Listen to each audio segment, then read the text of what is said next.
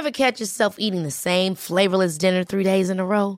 Dreaming of something better? Well, HelloFresh is your guilt-free dream come true, baby. It's me, Gigi Palmer. Let's wake up those taste buds with hot, juicy pecan-crusted chicken or garlic butter shrimp scampi. Mm. Hello Fresh. Stop dreaming of all the delicious possibilities and dig in at HelloFresh.com. Let's get this dinner party started. Many of us have those stubborn pounds that seem impossible to lose, no matter how good we eat or how hard we work out. My solution is PlushCare. PlushCare is a leading telehealth provider with doctors who are there for you day and night to partner with you in your weight loss journey. They can prescribe FDA-approved weight loss medications like Wagovi and Zepbound for those who qualify. Plus, they accept most insurance plans. To get started, visit plushcare.com slash weight loss. That's plushcare.com slash weight loss. Life is full of awesome what ifs, and some not so much, like unexpected medical costs. That's why United Healthcare provides Health Protector Guard fixed indemnity insurance plans to supplement your primary plan and help manage out of pocket costs. Learn more at uh1.com.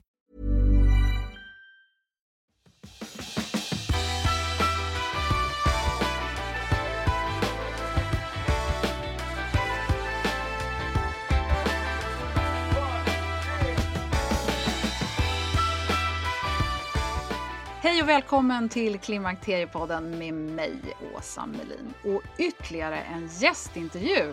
Du har väl inte missat förra veckan? För det är redan ett väldigt uppskattat avsnitt som Kristina Sundqvist gjorde med hälsoingenjören Eva Mörk.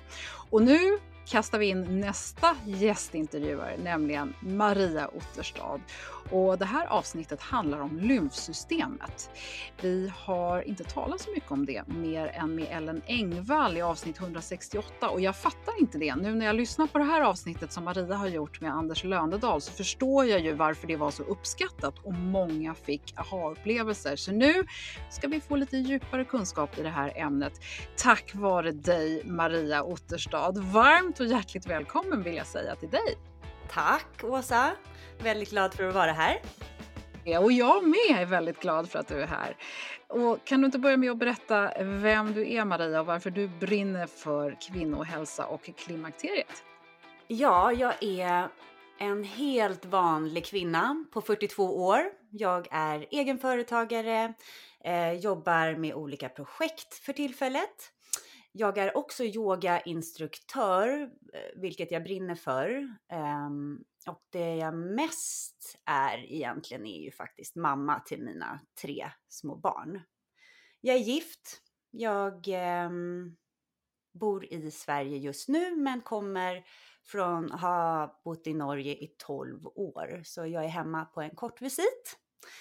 Och kvinnohälsa är ju så viktigt att prata om. Det ehm, följer med oss under hela livet och det började ju faktiskt för länge sedan med alla hormoner som stökar till det för en. Eh, så kommer man upp i graviditet och får massa barn och får hypotyreos och problem med gallan och du vet allting bara snurrar på, jobba massa och det är din egen eh, historia så att säga? Ja, massa och, och när jag då började och mm, med yogan och lära ut yoga så träffade jag ju massa kvinnor mellan 30 och plus. Och då insåg jag ju att okej, okay, den där jag är, det är de som är 50 är inte där. Eh, så då var jag tvungen att läsa på mig lite om vad händer i det här klimakteriet och då sökte jag massa information och då hittade jag dig.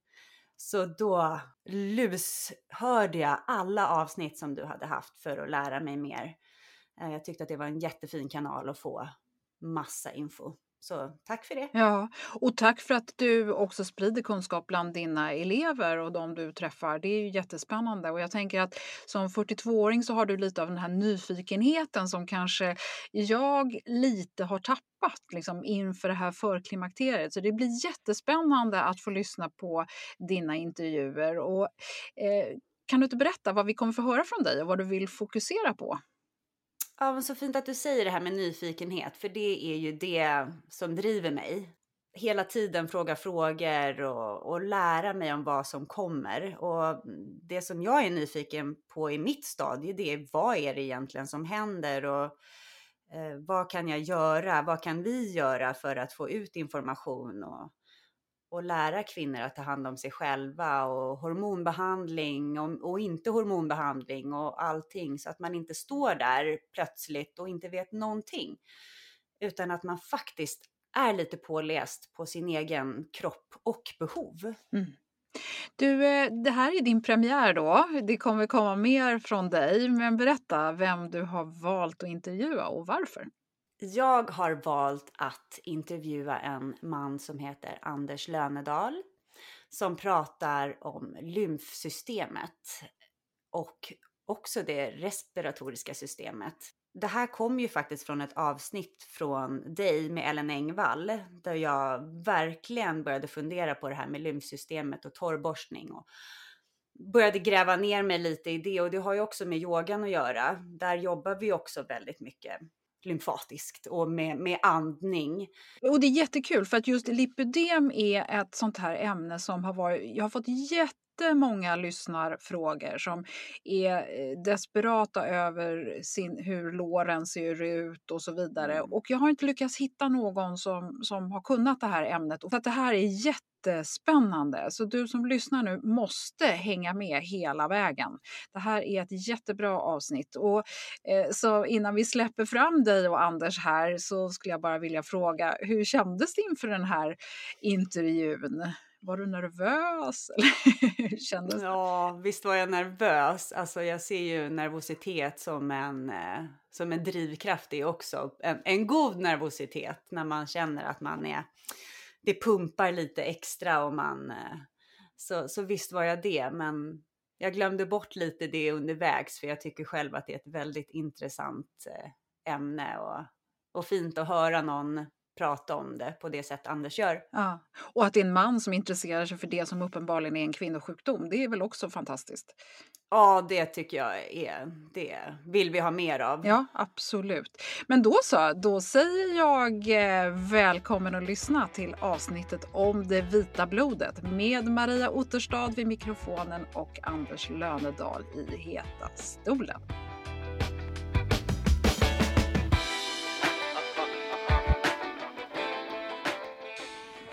Hej och eh, välkomna till detta avsnitt i Klimakteriepodden. Jag är Maria Otterstad och idag ska vi prata om något så spännande som lymfsystemet. Vi ska prata om lipödem, lymfödem, eh, det vita blodet och med mig idag så har jag Anders Lönedal.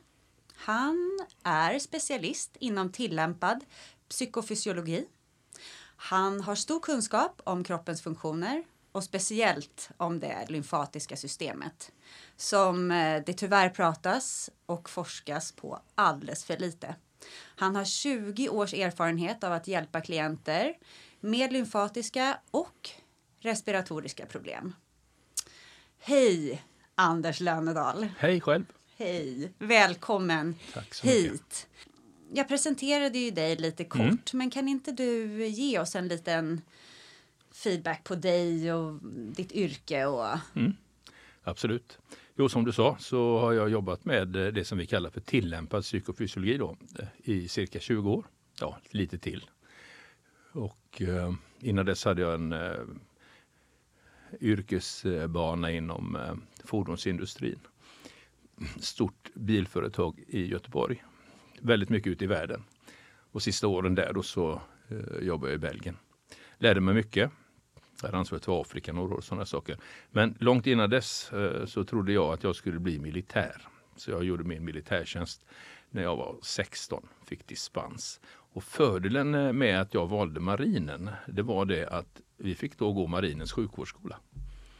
Så där fick jag en väldigt god grund. Mm. I vad jag, alltid varit intresserad av kroppen men där fick jag verkligen redan då grotta ner mig ordentligt och sen har det intresset fortsatt. Mm. Och I kontakt med psykofysiologi så blev det ännu bättre för då satte man ihop kropp och själ. Men det tog sex år och ett par år i Belgien då innan jag förstod att eh, jag ska hoppa av nu. Så trots erbjudanden om flotta jobb så klev jag av, hade ingen aning om vad jag skulle göra. Och fick på omvägar kontakt med en professor från Skele som då var på eh, den psykofysiologiska institutionen då på Karolinska institutet. Och han bjöd upp mig. Och på den vägen är det. Så jag gick i lära där kan man säga så. Det fanns ingen utbildning i psykofysiologi då på den tiden utan det var mer som vi kallar på Volvo on the job training. Alltså väldigt så straight forward. Mycket intressant. Mm. Och sen dess så har jag arbetat med detta och gör analyser också då i en apparat som heter Airpass eller LifeSense idag. Mäter bland annat koldioxid, andning och kärlrörelse, syremättnad, puls och sådana så hjärtfrekvensvariabilitet heter det. Och sånt där. Mycket intressant. Mm. Säger väldigt mycket. Mm. Så att eh, på den vägen är det. Och då kom jag i kontakt med så småningom lymfsystemet. Ja, det, det är ju ett cirkulationssystem. Mycket, mycket i dessa tider eh, involverat i vårt immunförsvar. Och, eh, det är ju så här att alla vet ju att blodcirkulationen då, det, det cirkulerar med hjälp av en pump. Men lymfcirkulationen har ingen inbyggd pump. Där har vi själva ansvaret för att det ska cirkulera. Jag anser att det är ett bortglömt flöde här. Det börjar bli lite bättre, det måste jag säga. Men eh, det är ett bortglömt flöde, även om till och med Hippokrates skrev om det vita blodet. Och den första stora svenska medicinska upptäckten på 1600-talet, Olof Rudebeck den äldre, lymfsystemet. Vart tog det vägen sen? Kan det vara så att det är en kvinnoåkomma? För det är det framför allt. Men berätta om det här som jag tycker är intressant för att jag har alltid hört talas om att man pratar om dessa körtlar, mm. lymfkörtlar. Mm. Men det sa du när vi pratade första gången att man har gått bort ifrån och att man säger Noder eller knutor. Mm. Körtlar eh, kom man konstaterades det för bra, ett bra tag sedan att körtlar producerar saker. Det gör inte lymfnoder. Man kan ju lite skämtsamt säga att de tar död på saker istället. Och det är då en del i vårt fantastiska immunförsvar. Så virus och bakterier och andra patogener ska ju så salig, saligen avlivas i våra lymfnoder. Igen då, vår fantastiska blodcirkulation har ju en inbyggd pump. Den tickar och går där och det ska vi vara glada för. Mm. Men eh, lymfsystemet har ju inte det och eh, det pumpar ju då på flera olika sätt. Men en väldigt viktig del, och den största delen egentligen, är ju diafragmarörelsen. Och det är ju man säger då, diafragman är då ett membran emellan bukhålan och brösthålan eller tvärtom. Det sitter hela vägen runt. Det är den enskilt största muskeln vi har. Alla andra muskler är muskelgrupper men diafragman är diafragman. Den är ungefär ja, någon centimeter tjock. Sitter med ett jättefäste över fyra ryggkotor i bröstryggen. Och den måste alltså pumpa och det gör den ju när vi andas. Det är ju, eh, diafragman är ju den primära andningsmuskeln. Och när vi andas in så ska ju då diafragman plattas ut. Bröstkorgen vidgar sig lite utåt och uppåt. Diafragman plattas till lite grann och när vi andas, det vi andas in alltså, och när vi andas ut så sker det motsatsa. Och detta ska då pågå egentligen helt av sig själv. Intill tidens ände. Så att det är den enskilt viktigaste muskeln och ungefär det är lite olika bud och lite beroende på också hur lång och sånt man är. Men det finns en liten fantastisk uppsamlingscistern som heter cisterna kyli. Den sitter en bit nedanför diafragman. Och all lymfvätska ifrån mag-tarmkanalen, ifrån underlivet, ifrån underkroppen och bitar av levern ska in i denna lilla påse innan det ska upp till eh, ja, eh, kanalen eh, vid vänster nyckelbensfäste. Tänk dig, all, sån, all lymfvätska, det är många liter egentligen per, per dygn som ska passera den vägen. Och fungerar inte den tömningen så stannar det här osvikligen kvar i underkroppen. Så det är så här också då att om man upptäcker att man, jag börjar nog få lite trög lymfa så uh, ser man ofta det på höger ankel först. Mm. För då har det liksom stannat kvar? Ja, därav en liten indikation då om det börjar bli. Och det kan man också titta på om man sitter mycket och har strumpor på sig. Så ta, ta en liten koll när ni tar av dem. Se där. Ser det ut som strumpan sitter kvar, då är det bra att röra på sig lite. Mm. resa sig upp och få Ja. igång. Absolut. Och i, som jag sa, när vi har själva ansvaret för att det här systemet ska cirkulera. Och det cirkulerar då i rörelse och i rörelse i, i, i kombination då med andning. Andra ska vi göra hela tiden så det är lika bra att vi gör rätt. Och få med oss hela det här pumpet och lugn och ro som kommer också då med andning. Men sitter vi, dels så blockerar vi noderna, vi har kluster av noder i ljumskarna. Vi har eh, väldigt många lymfnoder från axlarna och uppåt. Då sitter man med armarna upp en liten bit så här och framåt och huvudet fram och skriver på ett tangentbord. Det händer ju ingenting i den cirkulationen för diafragman kan inte röra sig heller. Så det är väldigt viktigt att stå upp ofta, sträcka på sig, ta ett brandtag, sätta sig igen. Och egentligen var 20 minut ska vi göra det. Bra tips. Ja, var 20 minut. Och så, det här med diafragma tycker jag alltid är så viktigt att, att Mm. prata om. Att den kan bli spänd. Oh ja. Ehm, och, och om den blir spänd då så måste ju det betyda att inte den här lymfvätskan Då, kanske... då, då kan du inte använda den. Och varför kan den bli spänd, diafragma? Vi, vi, när man pratar om sånt där, alltså det är lymfödem, eh, spända diafragmor, axlar fram och sådana här saker som jag nämnde lite och, och sånt där så måste vi komma in en snabb på det som vi kallar för stress. För stress det är evolutionärt och det är alltså inte farligt eh, så länge den är eh, kort och intensiv. Så stresssystemen är egentligen dimensionerade för att vara igång i max tre minuter. Och varje sån tre minuters total urladdning, vilket är då man flyr eller slåss för sitt liv, kräver ungefär två dygns återhämtning. Och där sprack det för väldigt många idag. Man fortsätter bara att springa i den här loopen och så vänjer man sig vid det. Det kallas för General Adaption Syndrome. Alltså att till slut så blir gasen det normala. Och då är det svårt att bromsa. Det kan till och med kännas obehagligt att bromsa. För då kanske, kanske det kommer känslor som man trycker undan så länge man springer. Så att allt hänger ihop här. Va? Det är därför psykofysiologi tycker jag är så intressant då, för att få man med hela. Både kroppen och själen. Om man då får stagnation Mm. av lymfa Ja. som är den här vätskan Mm. eh, som också är kallad det vita blodet. Ja.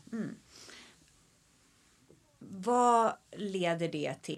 Väldigt mycket av det som vi kallar för sjukdomar i vårt västerländska samhälle, det är egentligen tillstånd. Det var så det blev när vi gjorde som vi gjorde. Och nu ska vi inte, ska ingen, ingen få dåligt samvete och så för det här, va? för att det är så våra kroppar funkar. Och om man kan lära sig hur kroppen fungerar så kan man ju också då kanske ta sig ur det här tillståndet. Det tar tid, det måste man säga. Det finns inga snabba lösningar, men det finns inga hopplösa fall. Det är väldigt viktigt att poängtera. Det finns inga hopplösa fall. Det går alltid att förbättra. Men det kräver hårt arbete. Och när jag började med det jag gör nu, tillämpad psykofysiologi och sånt där, så träffade jag mest kvinnor som var mellan 40 och 50. Idag är mina nyare klienter ja, runt 20 och i sämre skick ofta än vad eh, 40-50-åringarna var. Varför går jag inte ner i vikt till exempel? För det är inte så många år sedan och, många tittar fortfarande snett på man säger lymfödemiker, lipödemiker och sånt och, och anklagar dem för att vara lata och feta och överviktiga och alla sådana saker. När de inte alls är det. Det är ett helt annat system som jobbar. Det är alltså vätska. Och flera av mina klienter kommer till mig bara för att bli bedömda. Är detta lymfödem? Ja. Om man tar en väldigt snabb sån här eh, liten jämförelse mellan lymf och lipödem så är det så här att lymfödem när det har, man svullnar upp ordentligt så drabbar det hela kroppen. Alltså till och med fötterna.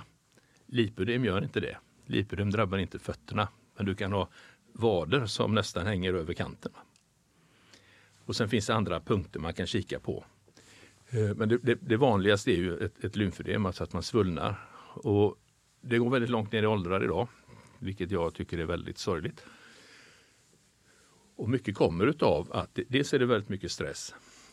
Och och det gör också när vi stressar och när vi börjar att andas fel, hyperventilera som man säger då, koldioxiden sjunker och sådana saker, då drabbas våra glatta muskler. Och glatta muskler det är ju blodkärl, lymfkärl diafragman, hjärtsäck och sådana inre hjärnhinnor och sånt där. Men framförallt det vi pratar om nu då, det är alltså ja, lymfkärl och diafragma. Diafragman, glatt muskel till största delen, väldigt känslig för syrebrist. Då krampar den. Och då drar du alltså ihop bröstkorgen lite. Och då kan den inte göra sitt jobb. Den kan inte hjälpa till att tömma den här cisterna kyligt till exempel. Det, det, går inte. Lite kommer den ju åt men inte alls så som det ska vara. Och detsamma gäller då blod och lymfkärl. Att de drar åt sig lite grann. Då gäller det att få igång andningen först faktiskt så att pumpen börjar funka. En av de frågorna jag ställer till mina klienter är Har du varit hos många specialister? Och de flesta säger ja. Det har liksom skickats runt lite. Och det är det väldigt ofta då. Det är för att de här åkommorna, om vi säger så, hyperventilering eller hypokapni som det faktiskt heter då när man har haft den länge. Som resulterar i en mängd olika säga, ja, diagnoser då. Så eh, kan de vara ganska diffusa och, och en del går ju in i varandra också. Det är väldigt mycket ja, oro, ångest och sånt som ligger i det här också. Sen är det många unga, män, unga kvinnor framförallt då, som också börjar lägga på sig till exempel. Alltså de får, börjar få lymfödem ganska tidigt. Och då kanske man börjar träna stenhårt. Och så blir det ännu värre.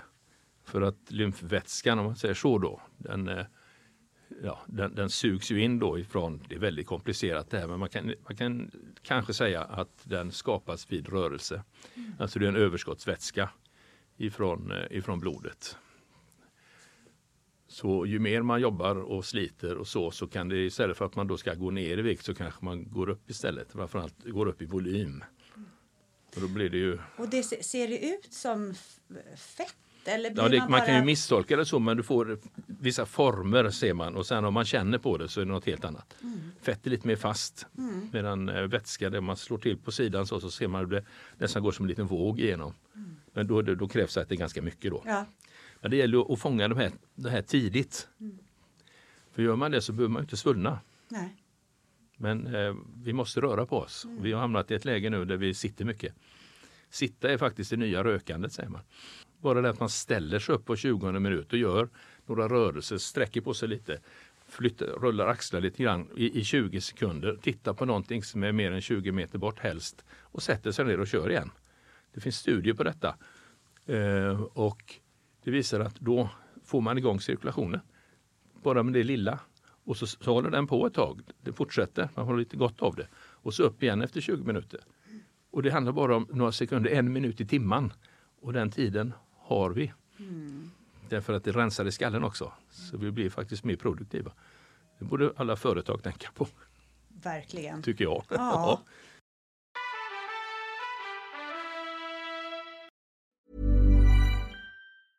A lot can happen in three years, like a chatbot may be your new best friend. But what won't change? Needing health insurance. United Healthcare Tri Term Medical Plans, underwritten by Golden Rule Insurance Company, offer flexible, budget friendly coverage that lasts nearly three years in some states. Learn more at uh1.com. There's never been a faster or easier way to start your weight loss journey than with PlushCare.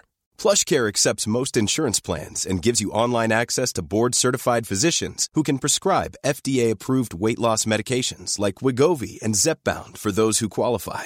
Take charge of your health and speak with a board certified physician about a weight loss plan that's right for you. Get started today at plushcare.com slash weight loss. That's plushcare.com slash weight loss. Plushcare.com slash weight loss. This is Paige, the co-host of Giggly Squad, and I want to tell you about a company that I've been loving, Olive and June. Olive and June gives you everything that you need for a salon quality manicure in one box. And if you break it down, it really comes out to $2 a manicure, which is absolutely insane. It's also so easy to get salon worthy nails at home with Olive and June. The difference between how your nails used to look when you did them yourself and now with the Manny system is a complete game changer. The best thing about Olive and June too is it's a quick dry, dries in about one minute, lasts for five days, and full coverage in up to one to two coats. Visit oliveandjune.com slash perfectmanny20 for 20% off your first system. That's oliveandjune.com slash perfectmanny20 for 20% off your first system. Det är härligt att klimakteriets tabu äntligen är på väg bort. Vill man försöka klara sig utan hormonbehandling så finns nu många nya kosttillskott som lovar bland annat hormonell balans och som ska stötta brister. Jag vill lyfta min räddare i nöden, Femarel. Det har inte bara varit min utan många andra kvinnors räddning i över 20 år. Och med lång tid på marknaden, med nöjda användare, dessutom med 20 forskningsstudier så vågar jag säga att det kan vara en god idé att prova Femarel. Femarel finns på apoteken och i hälsokostbutiker. Tack Femarel som varit min samarbetspartner i många år.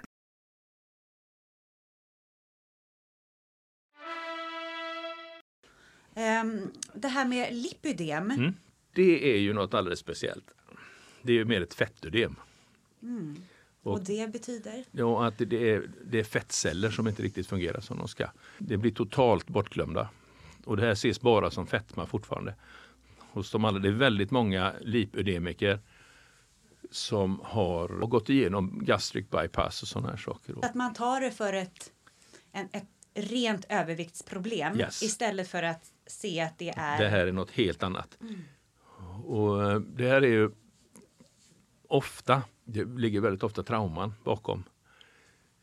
Och lipödemet brakar oftast loss då i kvinnokroppen vid hormonella trauman som eh, pubertet, graviditet eller klimakterie.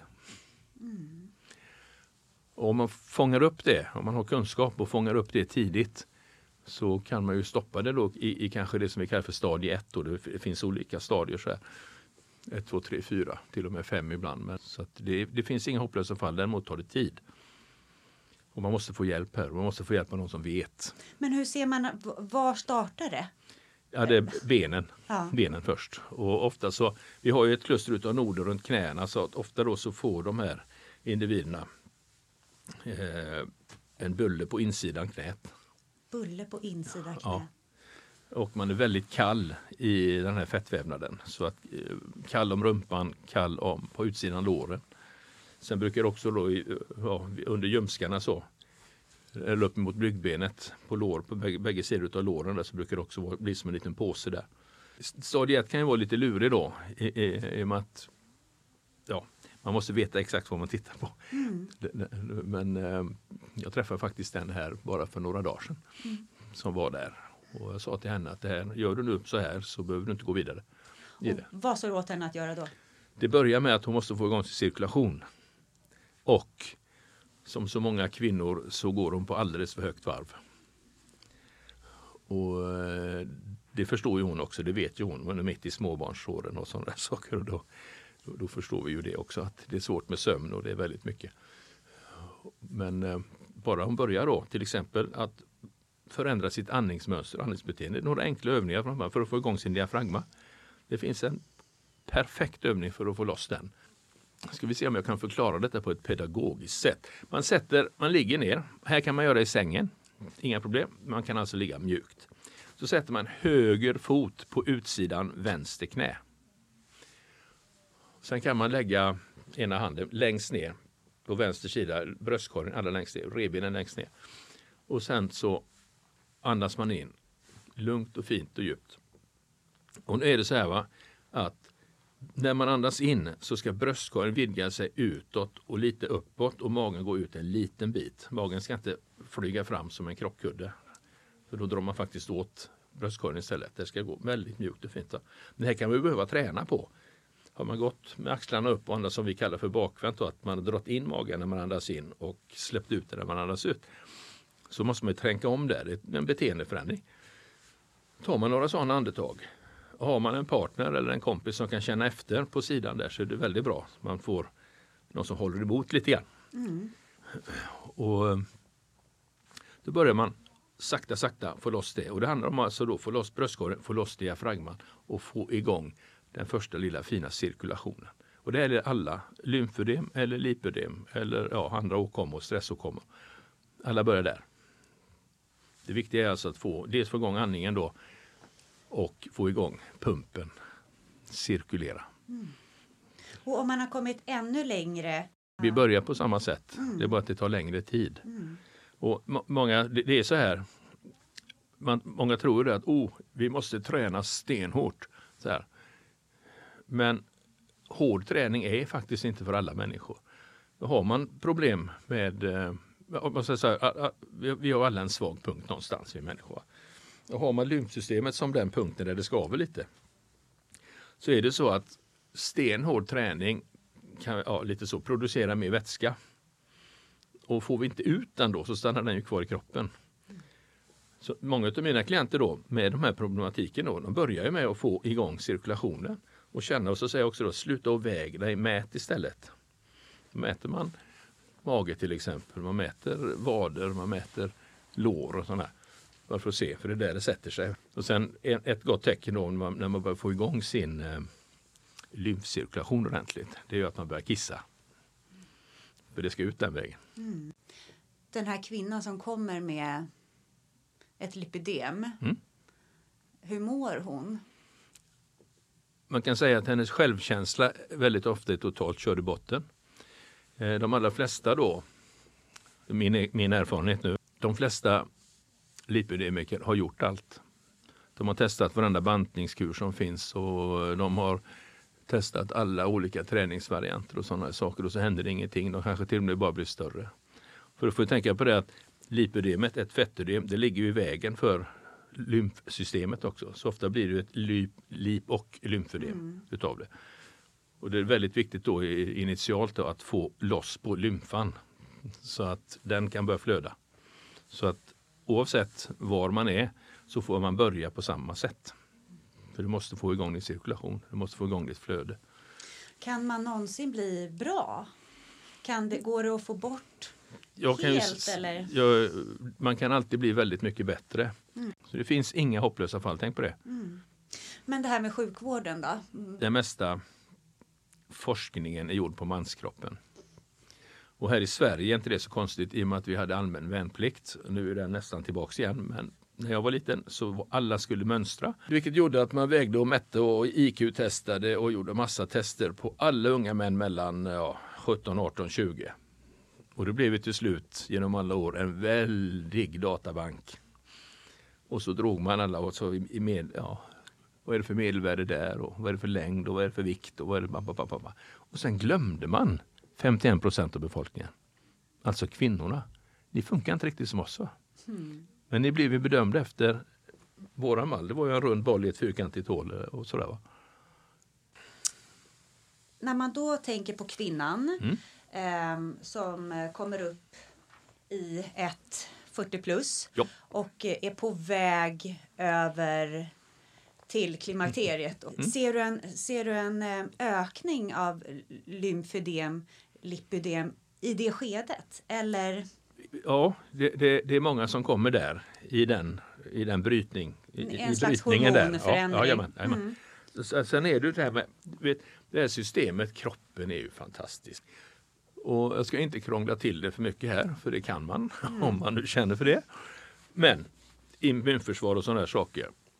Och det finns ju någonting då som heter interstitialvätska. Och den vätskan är den vätskan som varenda cell badar i. Vi har alltså vätska runt varenda cell vi har. Interstitia eller interstitialvätska. Och det är det som är när man då spänner en muskel så hoppar det ut där i runt våra celler och sen plockar lymfsystemet upp vätskan därifrån. Eh, I våra celler så sker det ju massa förbränning. I all förbränning blir det avgaser. Till exempel i ja, metabolismens slutprodukt är ju en avgasen koldioxid som vi ska andas ut. Men det blir en massa annat skräp där också. Och det är lymfsystemets jobb att städa bort detta skräp. Genom det här kapillärsystemet. Då. Det är som sagt väldigt komplicerat men otroligt intressant. Ett väldigt hett forskningsområde nu. Eh, de flesta hormonerna vi har är så kallat eller till och med alla hormoner som vi har, stresshormoner, könshormoner, är så kallat hydrofobiska. Eh, de försöker undvika vätska så mycket som möjligt. Men ingenting kan komma in i våra celler om den inte har passerat interstitialvätskan för, först. Det är den som den badar i. Så det är som en liten vallgrav där. Och det är väldigt viktigt att den är ren. Och det är lymfsystemets jobb att tvätta bort det. Men i dagens stressade, stillasittande, orörliga samhälle så ackumulerar vi toxiner här. Vilket ställer till det då runt, runt cellen, runt cellväggarna. Och här har man upptäckt, det är väldigt intressant, ny, det är ny forskning alltså. Det är, jag blir helt till mig när jag bara läser jag ser Ser det. det vet du. Ja, jag kan, wow. Förlåt. jo, det är ju det att i det allra, allra, allra minsta här så får vi kanske svaren på det största. Många som har mycket skräp i interstitialvätskan och då därmed också ett icke fungerande lymfsystem. Du har att- inte den här tvättfunktionen inte igång. Får ju autoimmuna sjukdomar, det kommer som ett brev på posten. Eh, mycket så kallade på engelska mood disorders, alltså depressioner, sådana saker. Va? Nedstämdhet och allt, därför att det är trögt i systemet. Och sen det senaste då, alla hormoner har olika laddningar. Och man sa att interstitialvätskan och, och lymfvätskan då är inte så om man säger, laddad så, men lymfvätskan ska ju också ta bort fett ifrån eh, mag-tarmkanaler och sånt och allting cirkulerar ju in i den här interstitialvätskan. Då är det tyvärr så här att progesteron lättare följer med lymfan ut. Och det gör att du får östrogendominans. Och det sker ju ofta kanske i ett förklimakterium. Ja. Så här tror jag då och väldigt många eh, ny, forskare, man kommer in i detta, wow. Här har vi kanske ytterligare en sån här totalt revolutionerande upptäckt. Lika revolutionerande som den som man upptäckte att hjärnan hade ett eget lymfsystem. Lymfsystemet som det då heter. Och det är ganska nytt. Och då får man tänka på det också när, vi, när jag pratar om wow, det, nu har man hittat detta. Men det kan ta 20-25 år innan hur stora och starka och banbrytande upptäckter presenteras. Så, alltså 20-25 år innan det blir praxis. Så därför är det jätteviktigt att vi redan nu då börjar då underifrån informera. För att det här är inte allmänt känt. Och östrogendominans, alltså man kan säga så här, om man ska skämta till lite, östrogen är ett bushormon och progesteron är lugna ner dig. Och därför är det helt avgörande att de här två är i balans. Så försvinner då ordningsvakten, progesteronet här, så kan ju östrogen hitta på vad som helst. Progesteron, alltså östrogen lagrar ju in fett till exempel. Eller drar ner på ämnesomsättning och sådana saker. Medan progesteron gör att, ah, kom igen nu, säger det, nu ökar vi. Försvinner då progesteronet ut så kanske vi börjar svälla. Och här tror jag faktiskt, utan att ha det hundra, men det, det känns så, jag har fått sådana indikationer för att sen, vi kan inte säga säkert än, men det finns indikationer på att detta kan vara en del i lipödemet. Och därför blir jag ju väldigt sorgsen när jag ser sådana här signaler på väldigt unga kvinnor idag. Det räcker att gå ut på stan så ser man att det finns sådana tendenser alltså i väldigt unga, alltså i, i, i pubertet då, förpubertet, pubertet. Att redan där börjar det slå till. Va? Och därför är det otroligt viktigt att vi, att vi får ut kunskap runt detta och även då hur man kan jobba med det. Och det trista då är att lymfvätskan är väldigt proteinrik i och med att den tar med sig fett och sånt. Fettsyror ifrån eh, mag-tarmkanalen och om det blir stagnation så blir det ju fett utav det. Och det kan ju också bidra då till att, eh, att man, man kan svullna väldigt snabbt. Celluliter till exempel är ju ett lymfproblem. Alltså det har förfettats på undersidan. Går att träna bort till väldigt stor del. Egentligen då så ska ju kroppen själv göra detta. Och därför är det så bra med till exempel denna podd. Att man får ut kunskap så folk börjar tänka lite själva. Aha, vad, ska vi göra? Vad, vad kan jag själv göra här då? Mm. Men vi har liksom blivit lite drillade så i detta eminenta land att vi ska gå till sjukvården för att bli friska. När vi egentligen kan förebygga väldigt mycket. Och, och vi lever i en helt artfrämmande livsstil idag, särskilt ni kvinnor, där tempot är alldeles för högt. Men vi måste lära oss att förstå de här rent biologiska funktionerna i oss. Och det är också då med den här dominansen, det är väldigt många som har väldigt långa menstruationer smärtsamma menstruationer. När det blir fel i hormonbalans eller i balansen i kroppen så aktiveras någonting som heter mastceller i oss. Och det är också ett, ett av de första eh, det, dörrvakterna i immunförsvaret. Finns i huden, i bindväv och i slemhinnor. Framförallt då. Och här har du, det säger en läkare borta i USA som jag har kontakt med ibland, han heter Dr. Afrin. Han, han säger så här att mastcellsaktiveringssyndrom är förmodligen det mest komplicerade som mänskligheten eller som läkare någonsin har att eh, konfrontera. Och då frågade jag varför det då? Och det är för att det handlar om vår livsstil.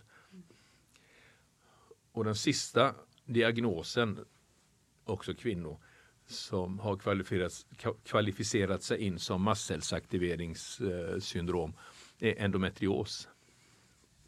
Fibromyalgi. Mm mängder av sådana här saker. Alltså. Du har hela systemet jagar någonting som inte finns. Mm. Så att jag tror allt hänger ihop här. Förstår du? Mm. För det är just då vid, vad jag sa, trauman innan, just vid de här hormonella traumorna då, så pubertet, graviditet och klimakterie. Mm. När det blir den här mm. väldigt snabb mm. omställning. Och jag tror också då att har du varit mycket uppe i varv och gått på alldeles för så blir det ju värre. Mm. Det ju... Och då är vi tillbaka som eh, Åsa Melin i Klimakteriepodden har pratat så mycket om på ja. sista tiden. Det är ju det här med stressen. Ja. Um, brist på återhämtning. Ja, brist på återhämtning. Ja. Det, det, är inte bara här vi sitter och pratar om nej, nej, nej, stress, nej. Eh, eller återhämtning. Det, det, varför kommer vi inte till en insikt att vi behöver det? Att vi faktiskt tar oss tid att göra det. Nu, får ni be, nu ska jag be om ursäkt innan jag säger något. Jag anser ju att människan är, mest, är det mest korkade däggdjuret på hela planeten. Va? Vi vet egentligen, men vi gör inget. Vi fortsätter att springa.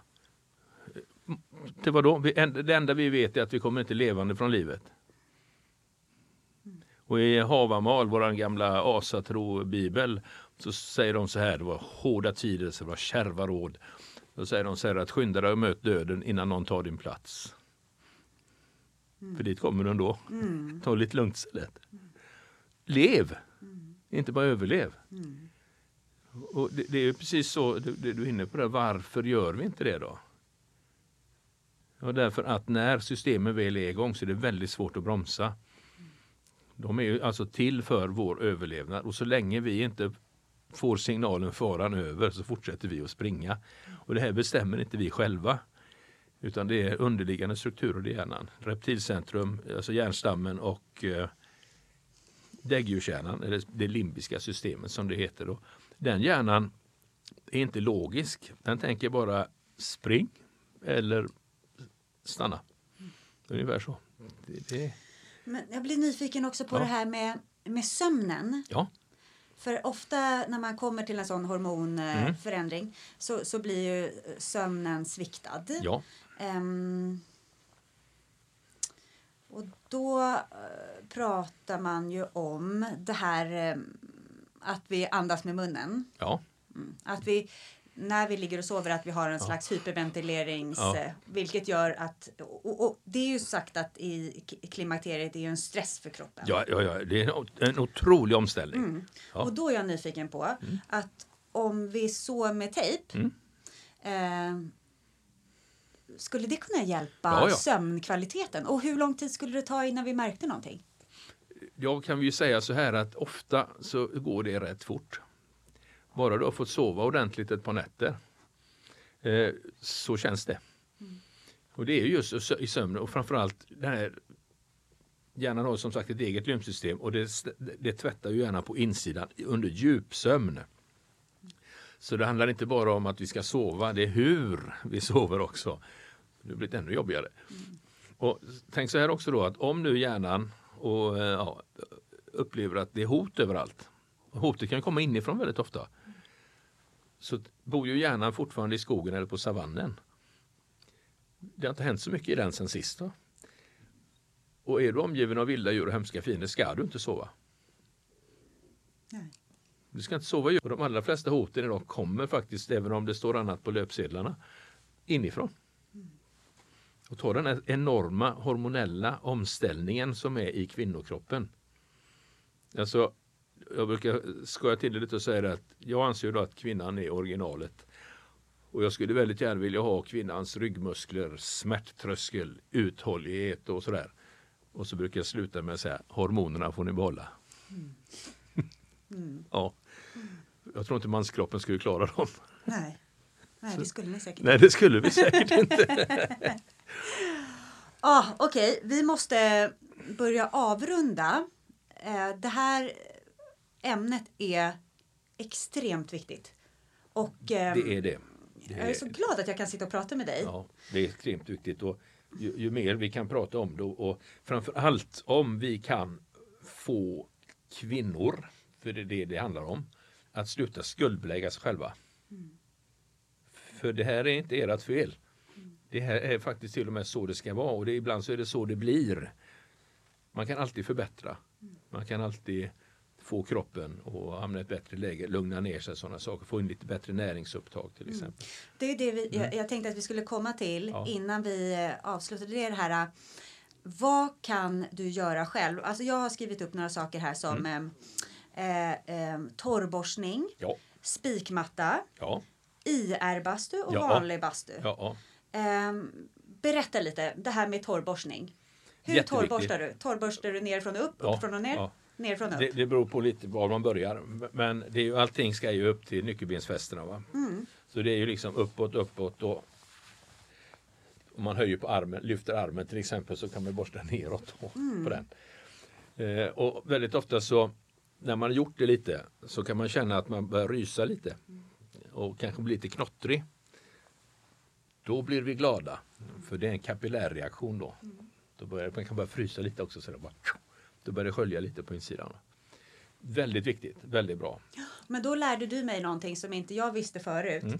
Det var att vi skulle borsta på utandning. Utandning, då får du bäst effekt. Mm. Därför att vid inandning, och det har vi sett när vi mäter kärlrörelser och sånt också. Då, alltså att man andas in så spänns, spänner vi kärlen och det har att göra med att syresatt blod väldigt snabbt ska fram i kroppen och när vi andas ut så öppnar kärlen för att venöst blod och lymfa ska vi faktiskt tillbaka upp igen och då har vi på utandning så öppnar klaffar inne i lymfkärlen. Sen har vi Cisterna kyre då som sitter ja, ungefär fyra fingrar ovanför naveln, ungefär. Och den kan man om man känner, den, är väldigt, den sitter in mot ryggraden så den är svår att känna. Jag har känt några sådana och de har varit som eh, ja, tennisbollar ungefär då. Och då kan man andas in och så andas man ut och så för, föser man lite försiktigt uppåt ifrån naveln och så inte, inget hårt tryck. Och det är väldigt vanligt då om man har lite trögt system att det börjar kurra kraftigt i magen. Och så kan man få ett snabbt övergående illamående. Och då pop, så har det öppnat det. Och tänk på det då med diafragma som har låst sig lite eller krampar. Så är det ju så att den stora venen vi har och, och aortan vi har och det största lymfkärlet då som kommer, största lymfkärlet från, från den här cisterna kyli följer aortan upp. Det är ju hål i diafragman för dem. Så om diafragman låser sig lite så stramar vi åt där också. Så det påverkar all cirkulation i kroppen. Och vanlig bastu? Också, också bra. Mm. Jag kan säga så här, allting som gör att det känns skönt och man känner sig avslappnad. Mm. Åh, Anders, jag skulle kunna prata med dig i flera dagar. Ja, jag hotade ju med det förut. ja. Men eh, är det någonting som du vill avsluta själv med? Någonting som du känner att det här måste jag få ut innan vi... Ja, vi, vi får gå lite tillbaka då. Men just det här som jag var inne vi började med det med andning och sådana saker. Faktum är att det börjar och slutar där. Har du inte andningen med dig biologiskt korrekt då. Alltså andas in, diafragman flyttar på sig, bröstkorgen rör sig utåt, lite uppåt. Och långsamt och fint. I vila då så ska man ligga på mellan 6 och 8 andetag i minuten. Och det här är med näsan? Med näsan, enbart med näsan. Det enda, det enda däggdjuret i världen som har fått för sig att vi ska andas med munnen, det är faktiskt människan. Lugnt och fint. För i en liten bit upp i näsan så finns det en liten slynga utav den så kallade vagusnerven, alltså parasympatiska nervsystemet. Immunförsvaret börjar i näsan, i, i, i slemhinnorna. Och när vi andas in med näsan så kommer luften med ganska högt tryck ner i, i lungorna som gör att det blir lättare för lungorna att expandera.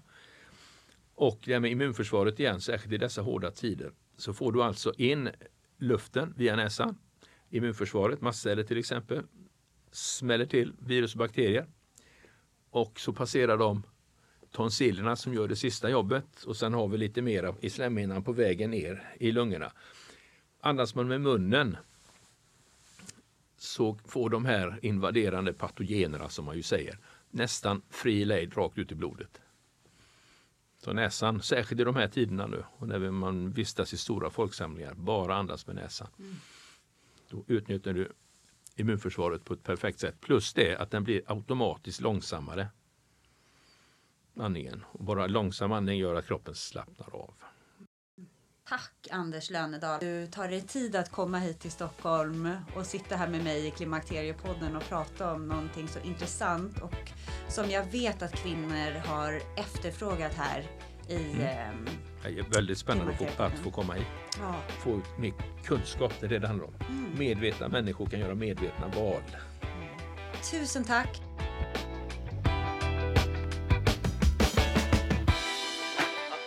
Ja, det är ju så spännande. Det vita blodet, vilken otrolig kropp vi har. Inte undra på att den krånglar ibland, eller hur? Rätt bränsle, rätt förutsättningar och den kommer arbeta för dig och inte emot dig. Men här behöver vi också en portion tålamod, förstår jag. Jag måste verkligen tacka dig Maria Otterstad för att du hittade Anders Lönedal och gjorde den här intressanta intervjun för Klimakteriepodden. Det här är inte sista gången vi hör dig så att vi ser fram emot mer spännande avsnitt från och med dig. Det här med att sova med tejp som eh, Anders talar om i slutet här, det handlar ju alltså om att tejpa för munnen för att tvinga fram näsandning när man sover. Och det pratade vi om i avsnitt 187 med Anders Olsson och det avsnittet heter Medveten andning. Så där kan du höra mer om det. Ellen Engvall finns också att lyssna på i avsnitt 168 om lymfsystemet. Och Ellen bjöd också på en kort två minuters film för att starta igång lymfan och lymfsystemet och den finns på Klimakteriepoddens Facebook-sida. Och en länk hittar du också på Klimakteriepoddens hemsida som heter klimakteriepodden.se. Anders Lönedal har också gett oss tips på några vetenskapliga artiklar relaterade till det här avsnittet som du också hittar på klimakteriepodden.se. Och kika gärna in på Klimakteriepoddens eh, Facebook och Instagram-sida och vill du komma i kontakt med Maria Otterstad så kolla in henne på Instagram under Maria Baumann Otterstad. Maria Baumann Otterstad. Och du kan mejla henne på info at iamwoman.se. I nästa avsnitt så ska du få höra influensen, journalisten och bloggaren Nina Campioni som har kommit i tidigt klimakterium och hur hon försöker navigera i det. Det är inte så lätt. Och då är det jag som sitter bakom mikrofonen. Så hoppas du är med snart igen och eh, tack för att du har lyssnat. Hej då!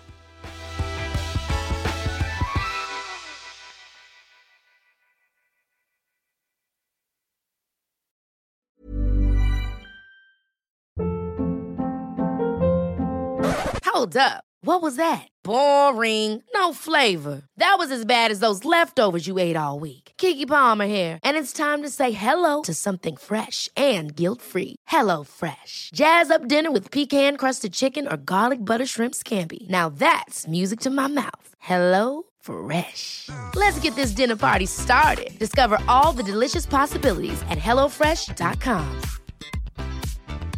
Hi, I'm Daniel, founder of Pretty Litter. Did you know cats tend to hide symptoms of sickness and pain? I learned this the hard way after losing my cat, Gingy. So I created Pretty Litter, a health monitoring litter that helps detect early signs of illness by changing colors, saving you money and potentially your cat's life. Pretty Litter is veterinarian developed, and it's the easiest way to keep tabs on your fur baby's health right at home. Go to prettylitter.com and use code ACAST for 20% off your first order and a free cat toy. Terms and conditions apply. See site for details. Even when we're on a budget, we still deserve nice things. Quince is a place to scoop up stunning high end goods for 50 to 80% less than similar brands. They have buttery soft cashmere sweaters starting at $50, luxurious Italian leather bags, and so much more. Plus, Quince only works with factories that use safe, ethical, and responsible manufacturing. Get the high-end goods you'll love without the high price tag with Quince. Go to quince.com/style for free shipping and 365 day returns.